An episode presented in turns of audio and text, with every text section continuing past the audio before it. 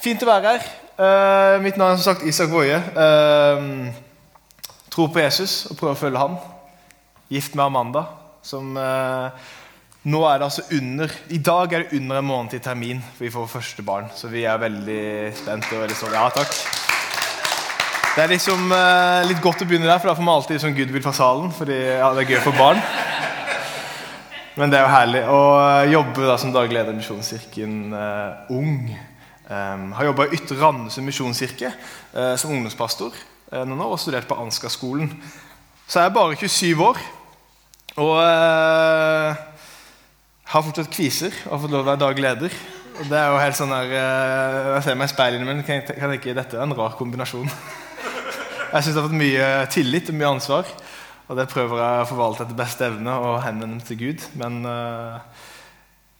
det håper jeg får til, og det er veldig fint. Um, vi har liksom treåra troll bare i Misjonskirken uh, totalt. Jeg skal ikke gå inn i alle detaljer, men har, vi har masse misjonskirker overalt i Norge.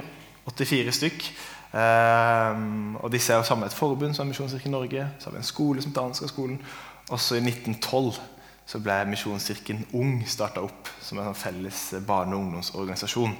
Uh, og i alle disse lokale misjonskirkene så håper vi å ha et best mulig tilbud for barn og unge fra de er null til de og egentlig opp til 100 år, da, men vi har mandat fram til 26. Og vi ønsker oss bistå menigheter eh, med ressurser, med arrangementer og med litt sånn konsulentvirksomhet, litt rådgivning, eh, for, for barne- og ungdomsarbeid og unge voksne-arbeid. Um, og Vi jobber ut fra en sånn setning som er at eh, vi er til for den lokale arbeideren. Og det er jo ikke den lokale ansatte nødvendigvis, men den lokale lederen, frivillig lederen. Og så sier vi også at vi prøver å gjøre det den lokale arbeideren ikke får til på egen hånd. Så der på en måte man lokalt er litt sånn oversvømte oppgaver, så håper vi å kunne tenke lenger og tilby noen langsiktige ressurser. Og Vi har kastet oss med på denne eh, tro, sende, plante-visjonen og strategien som Misjonskirken Norge har. Vi vil se barn og unge komme til tro. Vi har lyst til å sende de ut i tjeneste for Herren. Og vi har lyst til å plante, være med og plante menigheter. Og da å plante barne- og ungdomsarbeid. Og Det er, bare, sånn, det er en strategi og sånn fokusområde som jeg bare så troa på. Og så jobber vi litt også med det innenfor vårt område i Misjonskirka Ung. Um, og så håper jeg at dere i Porsgrunn misjonskirke kan ha god nytte og god uh, av oss. At vi kan bistå dere med det dere trenger. og være til hjelp for dere. Og hvis dere har noen ønsker, så hyl ut og si fra til oss. For vi kan sitte inne, vi har for så vidt ikke et hovedkontor. Vi sitter overalt i Norge. På hjemmekontor. Eh, men Vi kan sitte på våre hauger og holde på med det vi tror er bra, men eh, vi må vite hva den lokale menighet og lokale arbeideren tenker er bra. Og vi har eh, kan bare si det, vi har tilbud for 0 til 5, 6 til 9 år, 10 til 12, altså tweens, ungdom, videregående, unge voksne. Uh, disse har vi ulike konsulenter som jobber innenfor, jobber innenfor disse her. Vi arrangerer leirer, så vi har en, sånn, vi har en sånn arrangementskonsulent. som vi kaller det. Og så har vi Wenche på kontoret som jobber med alt dette frifondsmidler og administrasjon og kjas og mas. Som er veldig god å ha. så har vi også speiderkonsulent. for Vi driver også ganske godt speiderarbeid i Misjonskirken Ung. Um, og bare to ting der. Bare kjapt en ting, det er at Vi driver et egentlig veldig bra leirarbeid. Jeg har bare lyst til å løfte opp leirarbeidet vårt i Misjonsgang. Vi har noe som heter Stage Dive, som går om påska og om sommeren. Som er et utrolig godt leirarbeid for ungdommer fra 13 og oppover. Og en forskning som er i gang og holder på ved HLT, altså Høgskolen for ledelse og teologi i Oslo, der er en som Roald Seifert, som har funnet ut at på, uh, på det som er viktig for at uh, barn og unge tar et valg om det å tro på Jesus og følge han, så kommer leir på andreplass. Det tar så mange bestemmelser på leir og Det kan gjøre også her lokalt, det er ikke det, men jeg tror også at det er ofte, min opplevelse er at det skjer noe lokalt. Og så kommer du opp på en leir, og så er det et eller annet momentum eller en konsentrasjon av nærvær eller et eller annet sånt som bygges opp, og så tas det et valg på leir. Så leirarbeid, kjære Porsgrunn misjonskirke, send deres barn og unge på leir, for jeg tror det er altså så viktig. Um, og så har vi speideren nå. og uh, som uh, ungdom, eller som jeg var oppvokst i speideren, mamma og pappa var speiderledere. Også på et tidspunkt så slutta jeg i speideren, for det ble for flaut. Aldri vært en frimodig kristen, og det angrer jeg mye på. Og, sånn, men jeg skulle gjerne vært mer frimodig på det. Så jeg slutta på speideren da jeg var tolv år. Og det er jo den største tabben du kan gjøre, for når du er tolv, så begynner speideren for alvor. Det er da det blir gøy. Da kan du melde deg på kurs og leir og alt sånn. Småspeideren er bare knuter og sånn. Men når du blir tolv år, så kan du fyre bål. på en måte? Det er, liksom, det er et spennende som er mye gøyere. Uh, så jeg slutta på speideren. Men så gjennom Misjonskirka og i rollen min som dagleder så fikk jeg lov å være med på speiderleir nå i september. Kombikurs. Uh, som er masse kurs. De samler opp på Hovden, og så kjører de masse ledertrening fra 12 til 16 år. Genialt. Og i speideren er det masse sånne forkortelser og masse sånn internt språk. Uh, og Hvis det er en som tolker bak her nå, så lykke til med disse forkortelsene. her, Men de har litt sånn SISAL, som er type tau, har skjønt. De har PACO, de har patruljekonkurranse.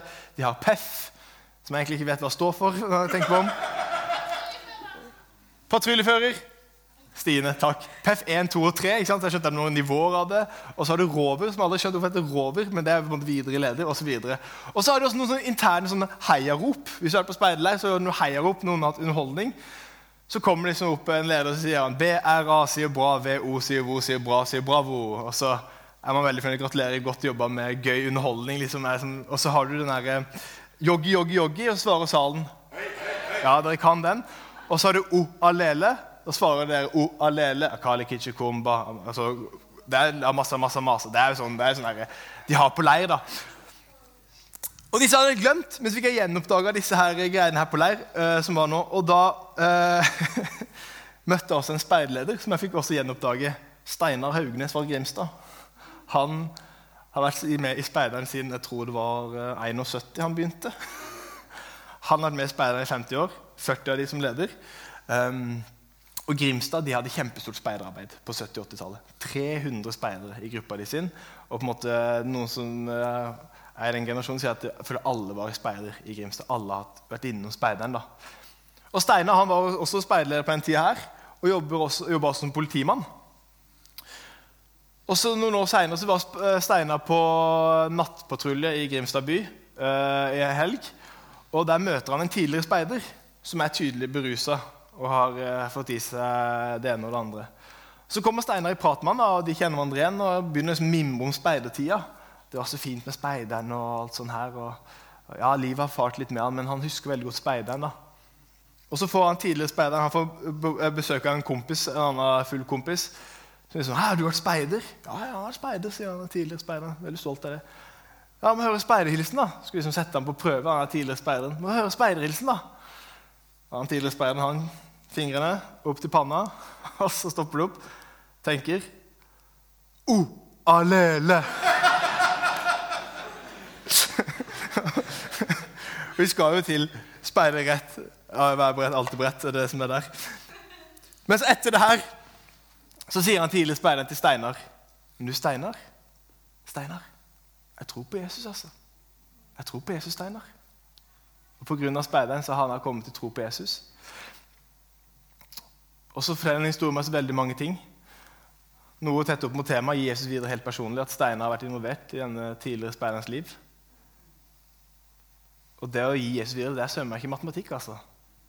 Du kunne gjøre alt riktig. Og så ble det på en måte ikke det man hadde håpet på. Det er noe skjørt, dette her med å gi tro videre. Og Derfor må vi på en måte gi litt hjernetenkere opp på det, fordi det er så skjørt. Og så sier vi også noe om at det å være i tjeneste over lengre tid med barn og unge, som Steinar har vært, det vil gi frukter. Så far og livet med, med våre barn og unge, og så eh, er det ikke alltid de tror at de tror, men så kan hende de gjør det. altså. Skal ikke vi sette oss til dommer over hvem som tror eller ikke, men han her tror fortsatt. Og det er der jeg tenker liksom, hva kan, Siden det er så skjørt, dette her med tro, å gi troa videre til barn og unge, så tenker jeg, hvordan kan vi som fellesskap, Porsgrunn misjonskirke som fellesskap, sammen med Misjonskirken Nord f.eks., gjøre det beste og vårt ytterste for å gi oss videre til våre barn og unge? Og jeg ber Gud om å knuse hjertet mitt for barn og unge. Jeg bare tror det ligger altså sånn rikdom der. Og kan, Jeg kan se barna oppå her, og jeg wow, de var søte.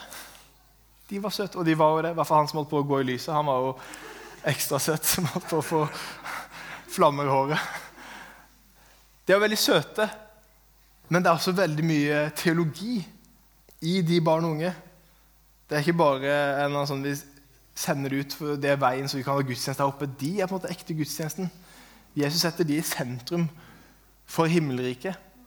Kommer tilbake til det, men, men bare det å la hjertet vårt knuses for barn og unge. Jeg skal lese en tekst for dere fra Matteus 18 som eh, jeg fikk anbefalt da jeg skulle begynne jobben, av en eh, kollega som også jobber som daglig leder i en eh, barne- og ungdomsorganisasjon i Frikirken sin. Um, Matteus 18, vers 1-5 og 10-14. Jeg skal få det opp på skjermen. Jeg har på over noen vers midt i, for de som uh, lurer på det. Og så kan den teksten den kan tolkes som det kristne fellesskapet. For Jesus snakker etter hvert om disse mine små. Det kan være også de, disse våre små i samfunnet. Men det kan også tolkes helt bokstavelig som disse mine små, altså barna. Eh, teologene sier at du kan tolke begge veier, og da velger jeg å tolke det inn mot barn og unge. siden vi er der. Og Jeg tror den teksten sier mye til oss om det. Og Håper det ikke er altfor lite for dere på skjermen, men jeg kan lese. Nettopp da kom disiplene og spurte Jesus, 'Hvem er den største i himmelriket?' Da kalte han til seg et lite barn, stilte det midt iblant dem og sa, 'Sannelig, jeg sier dere, uten at dere vender om og blir som barn, kommer dere ikke inn i himmelriket.' Den som gjør seg liten som dette barnet, han er den største i himmelriket. Og den som tar imot et slikt like barn i mitt navn, tar imot meg. Men den som lokket i fall en av disse små som tror på meg, han var bedre tjent med å få en kvernstein hengt om halsen og bli senket i havets dyp. Så hopper vi et par vers fram, til vers 10. Pass dere for å forakte en eneste av disse små, for jeg sier dere, de har sine engler i himmelen, som alltid ser min himmelske fars ansikt. Menneskesønn er jo kommet for å berge de bortkomne. Hva mener dere? Dersom en mann har 100 sauer, og en av dem går seg vill, la han ikke da de 99 være igjen i fjellet og går og lete etter den som har kommet på avveier? Og skulle han finne den, sannelig jeg sier da gleder han seg mer over denne ene enn over de 99 som ikke har gått seg vill. Slik vil heller ikke deres far i himmelen at den eneste av disse små skal gå tapt. Det er en alvorlig tekst når jeg snakker om barn og unge og de små. Og Det er et ganske heftig bilde med dette med kvernstein om halsen. Og så tror jeg det er litt sånn hyperbole, som vi kaller det i teologiens språk, at det er en overdrivelse for Jesus og kanskje noe sant i det òg, på en måte. At det er en al alvorlighet med det å lokke en av de minste til fall og vekk fra Jesus. Men jeg har bare lyst til å la den teksten være et bakteppe for det jeg skal si videre. For jeg skal ikke være mer i teksten. Men bare ta med dere den alvorligheten og altså det Jesus sier. da. Den er den største i himmelriket. Så tar han en av disse små som sto foran. Dette er den største himmelriket. Og Når han snakker om det, er det også dette med at han bruker dette bildet med at disse 100 sauene bortkomne sauen som vi er så kjent med ofte fra Lukas 15, med en mynt som går tapt, en sau som går tapt, og en, en sønn som forsvinner. Så er det som den ene Jesus er på leit etter. Den ene som er borte. Og Det sier også noe om alvorligheten rundt dette med barn og unge for Jesus sin del. Og Han sier at når, når folk vil ta barna fram til Jesus og, og, og, og, at han skal be for dem, og så prøver disiplene å stoppe de, disse foreldrene og ta fram barna, så sier Jesus nei, nei, hindre dem ikke. La de små barn komme til meg, for riket hører slik til. Det er en alvorlighet i det her. De er de største i himmelriket. De har sine engler i himmelen. Og de sammenlignes med den bortkomne sauen. Um, statistikk kan jo være til en pekepinn. Kan være veldig frustrerende å se på, men statistikken viser en gang sånn at av de som tar imot Jesus, som sin herre frelser, så gjør 85% av det før de fyller 14 år. Og 94% tar imot Jesus før de fylte 19 år. Det er jo en alvorlig jeg tenker i bare det, at det er statistikken. Og så tenker jeg, Er det søtt med barn og unge, eller er det dypt alvorlig? Jeg tror det er dypt alvorlig og dypt seriøst. Og når vi virkelig ta det i statistikken, tenker jeg Jesu ord viser. Og så kan vi tenke at det er søtt. Og så, så, tenker jeg liksom, Når hadde du din første åndelige opplevelse? Vi gjorde en sånn liten, vi hadde misjonstur i sommer med ungdomsarbeidet i Kristiansand. Da snakka vi liksom fram tilbake. Når hadde du din første åndelige opplevelse? Var det 13, og noen sa 12, sa noe. så kunne jeg si 11. Jeg var liksom stolt av det. Og så kommer Arild Bakkevold fra misjonsorganisasjonen. Herlig, frelst og salig fyr. Han var tre år da han hadde sin første åndelige opplevelse med Herren. Tre år! Det har satt spor i han. ikke sant? Tre år var han. Så er ikke det nødvendigvis regelen, det er ikke alle disse enkelthistoriene som er regelen for alt, men det sier bare noe. Samuel i Gammeltestamentet, profeten Samuel. Når hørte han Guds tiltale til seg når han sov om natta, som en guttunge. Samuel, Samuel. Og så går han inn til Eli, sin mentor, 'Hvorfor vekker du meg?' 'Nei, det er ikke, jeg har ikke gjort det.' ikke sant? Så er det Gud som kaller på Samuel som en guttunge. Det er noe dypt alvorlig teologi her. Bare litt mer forskning også i forhold til det her. At 'Faith for Exiles' det er en sånn bok som er skrevet eh, i USA. eh, Der de har undersøkt hva som skaper disipler blant våre barn og unge som holder i troa livet ut. Og Det er en fin, veldig fin bok. Jeg halvveis i den. Jeg har ikke lest den, jeg har lest i den. Det er veldig viktig for meg å si at jeg er ikke helt ferdig med den. Men, men de, drar, de, drar, opp fem punkter da, som gjør at barn og unge våre, de, de blir i troa. Og det, det, ser jo ikke alt her, men, men det som er i, i, grønn skrift, der står det 'experiencing Jesus'. De må ha en opplevelse av Jesu kjærlighet og Jesu kraft. De kan ikke bare hørt det, men de må ha en opplevelse med det.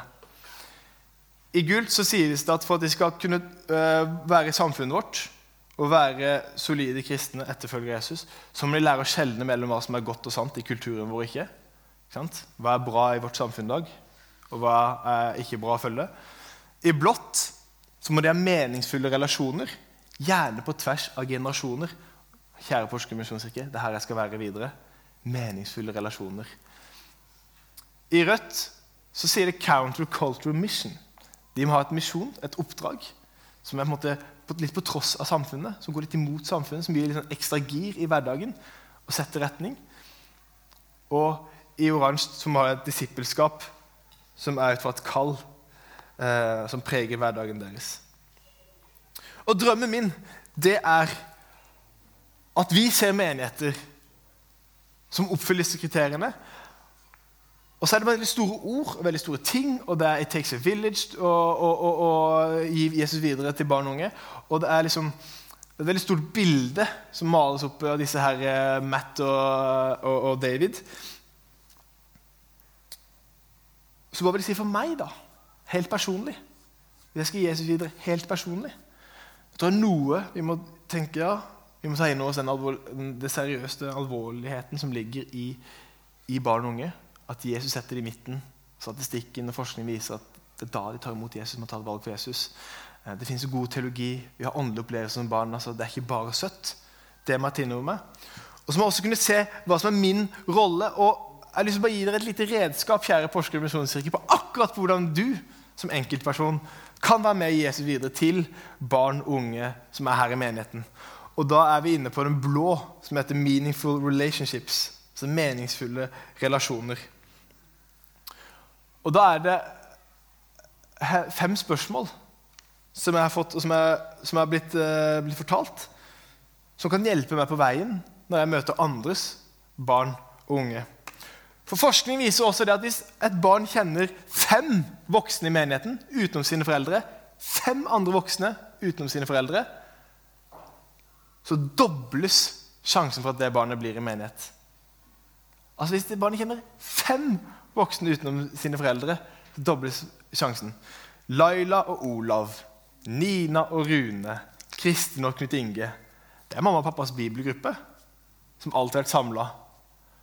Så husker jeg, liksom, jeg husker når skulle, mamma og pappa skulle ha bibelgruppe hjemme, at det var liksom, mamma lagde ekstra god mat. For vi spiste mat, så det var sykt digg.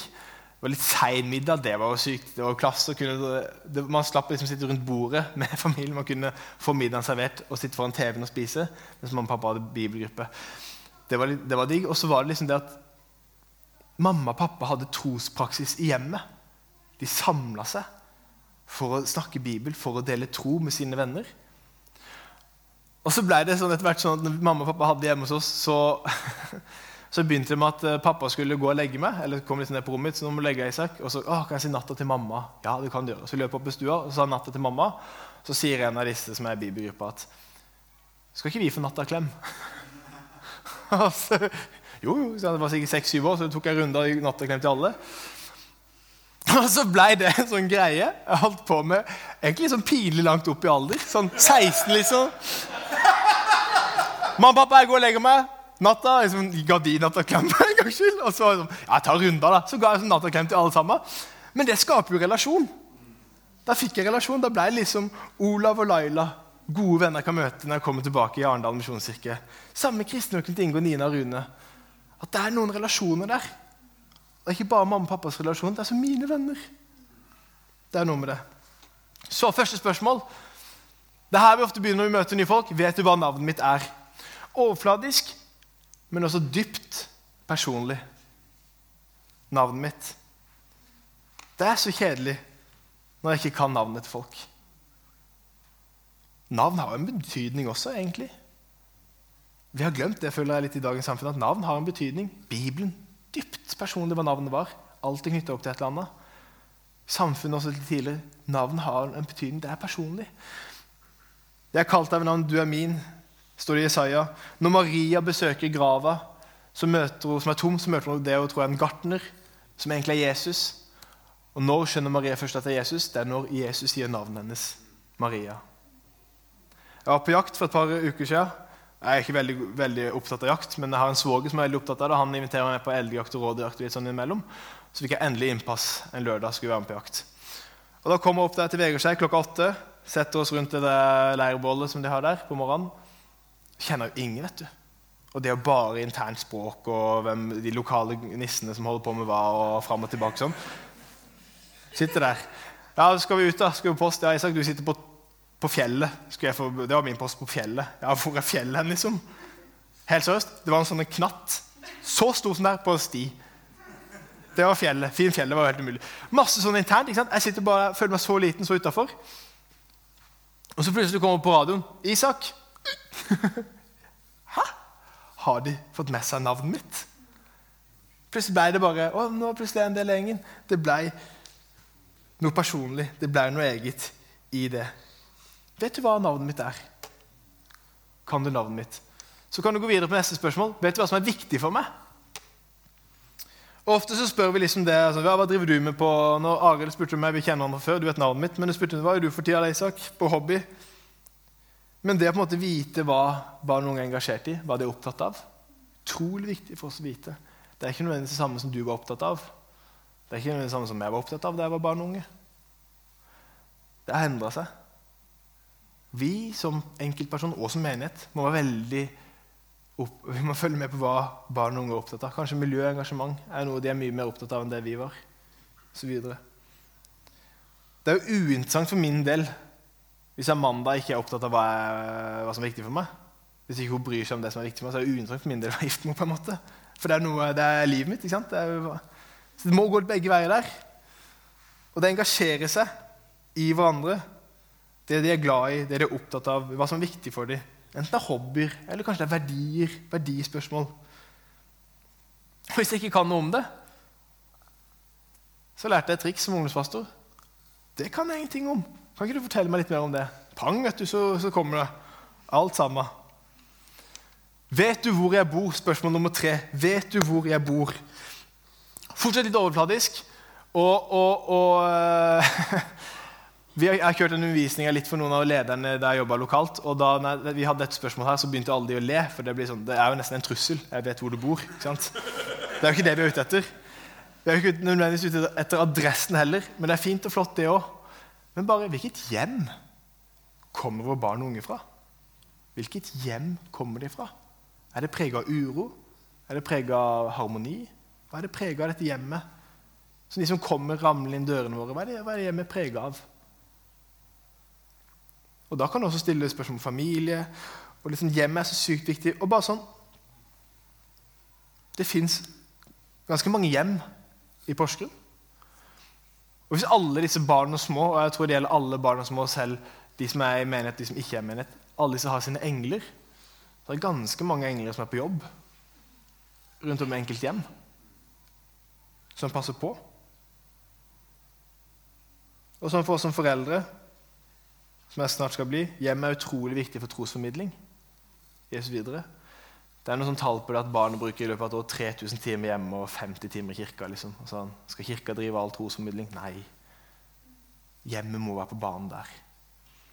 Og Det er litt et spørsmål til deg som forelder. At, for det kan være litt vanskelig, jeg har, opplevd, liksom, jeg har ikke opplevd i praksis, men har hørt hvordan skal vi gjøre trosformidling til barna mine? Det er liksom kleint rundt middagen. det er sånn rart å ta på seg en, Man tar på snipp liksom, for å kunne si noe om, om, Jesus. Nei, du trenger ikke det. Men kanskje er du mer kristen enn du tror, i form av vanene dine.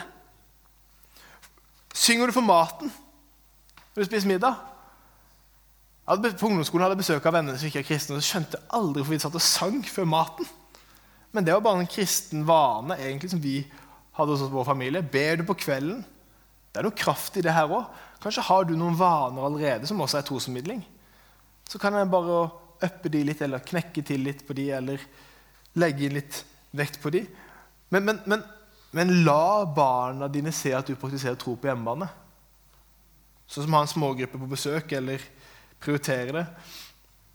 Mamma og pappa de var også veldig engasjert i kirka. Jeg tror det at man bruker tid i menigheten, også kan være en viktig symboleffekt. Det var ikke alltid pappa var hjemme på kvelden. Noen ganger skulle jeg hatt han hjemme, men han var på lederskapsmøte, og så visste jeg ok, kirka er viktig for pappa. Han sitter i lederskap i kirka. Det var en sånn symbol, uh, symboleffekt på akkurat det der. Hjemmet er utrolig viktig. Vet du hvor jeg bor? Vet du hva jeg har gjort? Og i, uh, i menighet så er det ofte ett sted vi hopper over alle de første spørsmål, så bare går vi på vet du hva jeg har gjort, og det er ofte i forbønn. Da kan du komme fram med det du har gjort. liksom. Helt åpent sett. Da går du ikke via alle de andre tingene først. Man må, man må, bli godt kjent før man begynner å grave disse spørsmålene her da, i en vanlig relasjon. Men vet du hva jeg har gjort? Og våre barn og unge begynner ganske tidlig faktisk å reflektere over sin fortid. Det har jeg ikke forskning på, men jeg har empiri på det for min egen del og for det jeg har møtt. At ganske tidlig begynner 11- og 12-åringer å tenke på å, jeg har gjort så mye i fortida. Liksom. I don't regret anything I've done in the past because made me who I am today. Det er en sånn holdning de kan ha. Tolv år, liksom. Du har ikke gjort noe. Men de begynner ganske tidlig å reflektere over sin fortid. da. Og så det som er viktig, altså, Don't judge me, you only know my name, not my story. og disse tingene her. Ganske tidlig så blir det et sånt begrep som barn og unge bruker selv i 11-12-13-årsalderen. Um, for å si noe om at jeg har, jeg har en historie, men jeg er den jeg er i dag, jeg er stolt av det, og det er bra. Men de begynner tidlig å reflektere over historien sin og det de har gjort. Og det å ta det på alvor Kunne være til stede og ta imot historiene til barn og unge. Ta imot fortellingen deres, ta imot erfaringen deres. Ta imot det de har gjort. Kanskje hadde det vært bra hvis vi engasjerte oss i det hos våre barn og unge, så ikke de går til Internett med det de har gjort. Eller går til sosiale medier med det de har gjort. Eller går til diverse blogger, TikTok med hva de har gjort. Men heller går til oss med det de har gjort, og snakker med oss om hva det er de har gjort. Og nå begynner også relasjonen å bli dyp fordi vi vet hva vi har gjort. Og så kommer neste spørsmål vet du hva jeg kan gjøre. Vet du hva som er mitt potensial? Og kan vi navngi potensialet i vår barn og unge? Så en som sto i midten her og spilte, altså han spilte gitarsolo før sangen begynte. så var han blonde i midten der. Du er en showman! Kunne du likt deg på scenen? Kan man, liksom, kan man liksom begynne å si sånne ting og begynne å navne litt potensial i de vi møter? Og er det én ting Er det én ting barn og unge trenger, i hvert fall ungdom, spesielt ungdom, det, tref, det trekker disse vennene våre David og Matt fram Er det én ting de virkelig trenger, så er det utfordring. Og de sier at en feil som mange menigheter gjør, er at ok, vi har fått noen ungdommer her. Fantastisk. Vi må passe på at de ikke forlater kirka. Så vi må serve dem, vi må lage filmkveld for dem, vi må lage, koke kakao til dem, gi dem popkorn. De skal bare komme her og bare seile inn på, på, på madrasser. Inn på en sånn der ungdomskveld som bare er nice. Det, bare er som, det er som bare bare henge med venner. Det bare er så sykt digg. ikke sant? De syr puter De vil ha utfordring. Utfordring, utfordring, utfordring. Største feil mange menigheter gjør med ungdommer, at de bare server dem istedenfor å utfordre dem. Vi server dem istedenfor å utfordre dem. Og så er det en balanse her. ikke sant? Ungdom har masse fra ellers, og skole og alt det der, men det er noe med at menigheten også skal være sted, for de ønsker utvikling. Vi skulle på misjonstur nå i sommer. så satt Fire av våre gutter satt på flyet og leste sånne der, uh, selvhjelpsbøker. How to dominate the room. How silence is your best. Et eller annet sånn der, eh, bare sånn Hvordan de kunne måtte, utvikle seg til å bli sterke menn. Liksom sånn. Helt sånn profant, helt utafor. Da måtte vi som ledere bare inn der og si det der må du bare legge fra dere. Det er Jesus det handler om. Det handler ikke om å være sterk, det handler om å være svak. Men de ønska utvikling, utfordring. Da måtte vi liksom pushe de litt ekstra på misjonsturen. Barn, eller ungdom spesielt, ønsker utfordring. Dette er de fem spørsmåla. Vet du hva navnet mitt er? Vet du hva som er viktig for meg? Vet du hvor jeg bor? Vet du hva jeg har gjort? Og vet du hva jeg kan gjøre? Og så er det sånn, Dette er ikke besvart i løpet av en kirkekaffe. Det er besvart over lengre tid, lengre engasjement. Og Bakgrunnen for disse spørsmålene er at vi ønsker å bli kjent med disse barn og unge. For har de mer enn fem, har de fem relasjoner utenfor sine foreldre i kirka, så er det doble sjanse for at de blir i menigheten. Og det ønsker vi å se. At de blir i menigheten. Så mitt spørsmål til deg det er hvem kan stå på dine skuldre? Hvem kan du være en Steinar Haugenes for? Jeg skal vise hvem som er viktig for min tro. Begynner mamma og pappa. De har aldri vært glad i å bli tatt bilde av, så det var eneste tur til å bruke. Det er da de gifta seg. Um, Alexander Gundersen, leirprest på leir. Jeg kom inn på den leiren i 2013 som 17-åring. Hadde hatt et ganske dårlig år bak meg på første klasse videregående. Så kan jeg komme til forbønn, komme til Alexander, og så bare tar han meg imot. Og tar imot min historie. Og Jeg måtte bare øst ut det som, og gulpe opp alt det som har ligget på hjertet mitt. Og så sier Alexander det vakreste. Altså bare sånn, Uansett hva som skjer, Isak, så kan du komme til Jesus.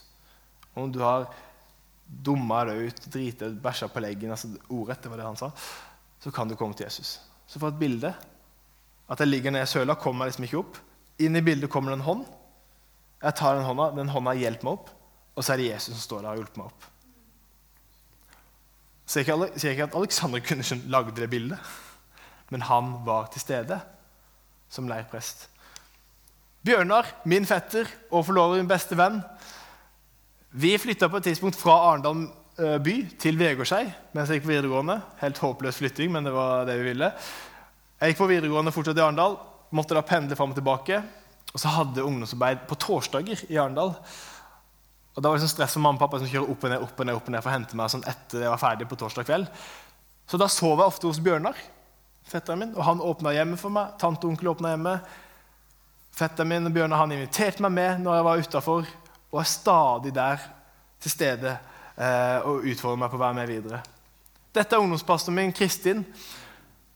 Hun så en gæren guttegjeng som altså Emeline jeg har gått sammen med ungdomsarbeid, og de, hun leder lovsang ganske mange ganger. Jeg tror jeg, tror jeg, jeg, tror jeg brukte et år før jeg begynte å synge med på sangene. så Vi sto bare første og bare tulla og dytta hverandre, vi gutta. Men Kristin hun så oss. Altså, kom, ja, dere kan være med i ungdomsarbeidet. Dere kan lede møte, selvfølgelig. Dere kan tale. Og så greier det også å bane litt vei for oss ungdom inn i gudstjenesten. Så vi fikk være med og, og ta del sammen med resten av menigheten. Stein Erik Nyli han var frivillig hovedleder i ungdomsarbeidet. Frivillig i over ti år. Hver torsdag så rigga han opp møtesalen og det som var, og var til stede. sånn at vi kunne ungdomsarbeide. Han gjorde ikke nødvendigvis så sykt mye sånn på scenegreier. Men han var i bakgrunnen og rigga kiosk og var til stede sånn at det var trygt. og det som er. Så har du Eva og Tore Gunnar Rom, som på et tidspunkt i kirka så ble hun Eva veldig til å klemme på meg. Altså, ble jeg sånn, hvorfor skal, mamma, hvorfor skal hun ha så mye klem av meg? liksom? Så sa mamma nei, dere delte ut sånn bønnekort med navn. liksom. Navnene til alle ungdommene i ungdomsarbeidet. Så delte ut på gudstjenesten. Så alle kunne ha et bønnebarn hver. Ja, jeg tror hun fikk ditt kort. Så har hun begynt å be for meg. Så ble hun plutselig veldig glad i meg. Og da blir jeg veldig glad i henne tilbake. Relasjon.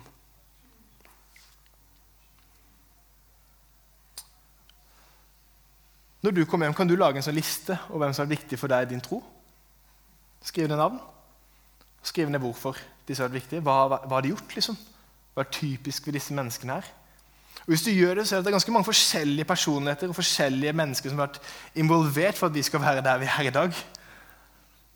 Og da ser du også at ok, kanskje det er en av de har en rolle som også jeg kan fylle i noen andres liv. Plutselig får liksom du en plass ok, jeg kan være som Bjørnar. jeg har ofte tenkt. Han var ofte, han bare invitert hjem han og var i bakgrunnen ellers på og rigga lyd. Det som var. Det kan jeg jo være. Jeg kan også være i bakgrunnen og invitere hjemmet mitt. har Jeg tenkt. Jeg kan være som Alexander, kan være til stede på leir når det tas valg. Jeg kan gjøre som Eva, kan be. Sant? Disse tingene her kan jo, kan jo dere se for deres del. Hvordan dere kan være med på å koble generasjoner, lage relasjoner i menigheten deres. Så ser vi flest mulig av disse som står her, som sto her i stad, skulle søndagsskolen, at de tar valget som David å døpe seg. At de blir en del av menigheten videre. Det er sagt med kirkeleder at han har veldig skitne skuldre fordi det er så mange som har stått på dem. Han har løfta opp så mange ledere. Så hvem kan stå på dine skuldre og skitne de til? Hvem kan du løfte fram i menigheten? Jeg ber en bønn til avslutning før vi lovsynger mer. Takk, kjære Jesus, for at du har frelst oss. Vi kan komme til deg. Takk for at du elsker våre barn og unge, Jesus, og du elsker oss. Hjelp oss til å se hvilket hjerte du har for barn og unge. Knus hjertet vårt for barn og unge, og knus det også for deg, Jesus. Så vi blir mer begeistra for hvem du er. Be for alle som er nå på søndagsskolen, og de som er ellers av barn og unge i menigheten her. Velsign de. Styrk de, utrust de. Vær med de, Jesus. For oss alle voksne inne. Men du skal kunne se den, en, hvilken rolle vi kan bety for barn og unge. Kan vi se hvilken betydning vi kan være, og hva vi kan være med og bidra. Så er det du, Herre, som gjør, men vi er arbeidere. Vi vanner, så er det du som gir vekst, Jesus. Hjelp oss å se hvordan vi kan gjøre det på best mulig måte. Amen.